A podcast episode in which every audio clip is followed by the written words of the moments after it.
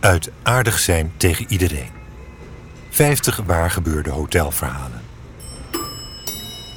Rozenblaadjes.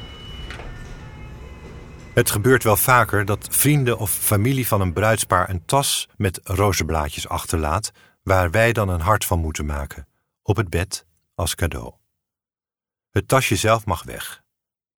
Ook al valt de huwelijksnacht in duigen, dan hebben ze altijd nog het rozenhart. Of een foto daarvan. Het idee dat dit hart een stille getuige zal zijn van de eerste huwelijksnacht, zorgt ervoor dat het maken van het hart een precaire bezigheid is. Moet het een perfect hart zijn? Of moet het alleen maar op een hart lijken? Liggen alle blaadjes keurig in een lijn of dwarrelen er nog een paar verdwaald rond? Wat voor hart wil men? Welk hart is altijd goed? Niet de spits, want dat is tuttig. Geen zuinig hart, maar rond en royaal. En natuurlijk min of meer symmetrisch. Het moet in ieder geval duidelijk zijn dat het met gevoel is gemaakt. Daar gaat het om.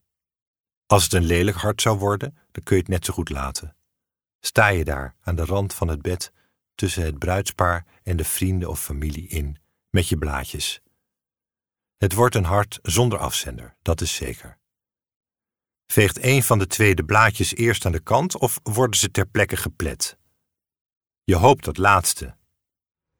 Zullen ze later tegen elkaar zeggen: Weet je nog, dat hart?